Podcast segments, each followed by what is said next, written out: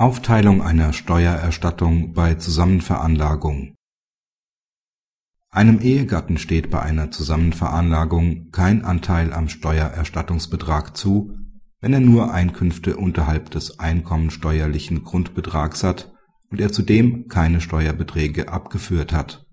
Eine Übung zwischen den Parteien hinsichtlich der Aufteilung von Steuererstattungen liegt objektiv nicht vor da die streitgegenständliche Veranlagung die erste Zusammenveranlagung der Parteien für das Jahr der Eheschließung ist.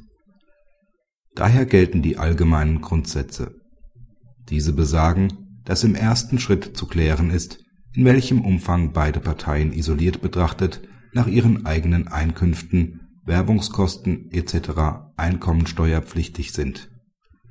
Danach ist im zweiten Schritt zu untersuchen ob sich daraus gegenüber dem Finanzamt Erstattungsansprüche aufgrund von überhöhten Vorauszahlungen ergeben. Diese Beträge stehen den Parteien als Eigenanteile an dem Rückzahlungsbetrag vorab zu. Wäre eine Partei gegenüber dem Finanzamt bei getrennter Veranlagung nachzahlungspflichtig, weil die tatsächlichen Vorauszahlungen zu gering waren, so ist der prozentuale Anteil dieser Nachforderungen an der fiktiven Einkommensteuer dieser Partei zu bestimmen der anderen Partei steht in diesem Fall bis zu einem Betrag, der einem gleichen prozentualen Anteil ihrer eigenen fiktiven Einkommensteuer entspricht, auch der verbleibende Rückzahlungsbetrag zu. Wenn nach dieser Bereinigung ein Rest verbleibt, ist im dritten Schritt nach dem Verhältnis der Beträge der jeweiligen fiktiven Einkommensteuerlast aufzuteilen.